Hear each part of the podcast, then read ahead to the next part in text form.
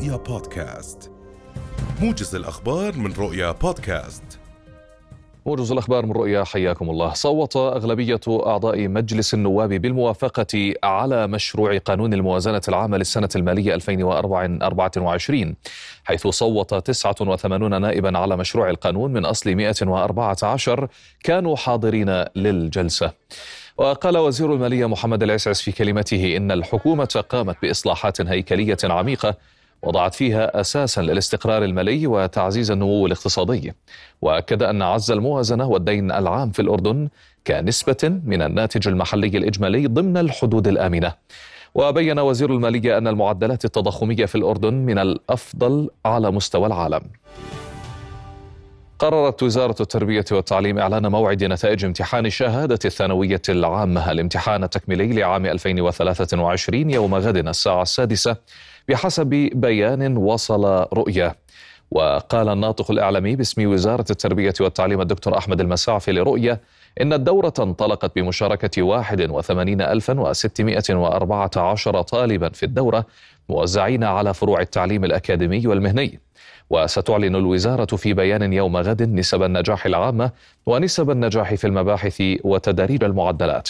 وأكد المساعفي أن الامتحانات راعت الفروقات الفردية للطلبة وأن الأسئلة جاءت بشكل عام متوازنة وشاملة. ارتكب جيش الاحتلال الإسرائيلي 16 مزرة ضد العائلات في قطاع غزة راح ضحيتها 150 شهيدا و313 إصابة خلال الساعات الأربع والعشرين الماضية بحسب بيانات وزارة الصحة في قطاع غزة.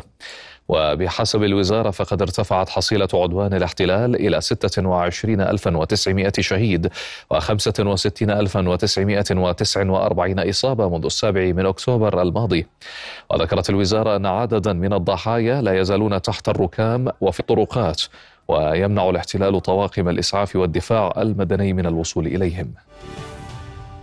حذرت حركة المقاومة الإسلامية حماس من ارتكاب جيش الاحتلال الإسرائيلي مزرة جديدة بعد اقتحامه لساحة مبنى جمعية الهلال الأحمر الفلسطيني ومستشفى الأمل في خان يونس وسط إطلاق النار بكثافة على الموجودين. وقالت المقاومة في بيان إن ذلك يشكل جريمة حرب تضاف لسلسلة من المجازر والانتهاكات التي ارتكبها الاحتلال خلال حرب الإبادة المستمرة ضد الشعب الفلسطيني في القطاع. وأضافت أن تكرار الاحتلال استهدافه لمستشفيات قطاع غزة هو تطبيق لجريمة الإبادة الجماعية ضد الشعب الفلسطيني في القطاع واستخفاف بالمجتمع الدولي والأمم المتحدة والقوانين الدولية. أعلن جيش الاحتلال الإسرائيلي مقتل ضابط وجنديين وإصابة آخرين بجراح خطيرة في معارك شمال وجنوب قطاع غزة. وكانت وسائل إعلام عبرية أعلنت أمس عن مقتل ثلاثة جنود في معارك بقطاع غزة. وقال جيش الاحتلال إن 26 ضابطا وجنديا أصيبوا في المعارك الدائرة في القطاع وذلك خلال الساعات الأربع والعشرين الماضية. كما أضاف أن 2797 جنديا أصيبوا منذ بداية الحرب بينهم 1283 أصيبوا منذ بدء الهجوم البري في السابع والعشرين من تشرين أول الماضي. نفذت قوات الاحتلال الإسرائيلي فجر اليوم عدة اقتحامات لمناطق في الضفة الغربية بآلياتها وجرافاتها. وداهم جيش الاحتلال مخيم قلنديا شمال القدس المحتلة كما اقتحم في وقت سابق المنطقة الشرقية من مدينة نابلس بالضفة الغربية.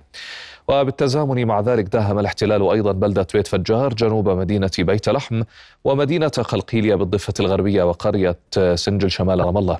وتأتي هذه الاقتحامات اليومية الليلية في سياق التصعيد المتواصل لجيش الاحتلال بالضفة الغربية بالتزامن مع استمرار عدوانه على قطاع غزة.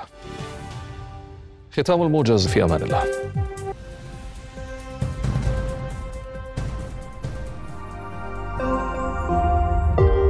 رؤيا بودكاست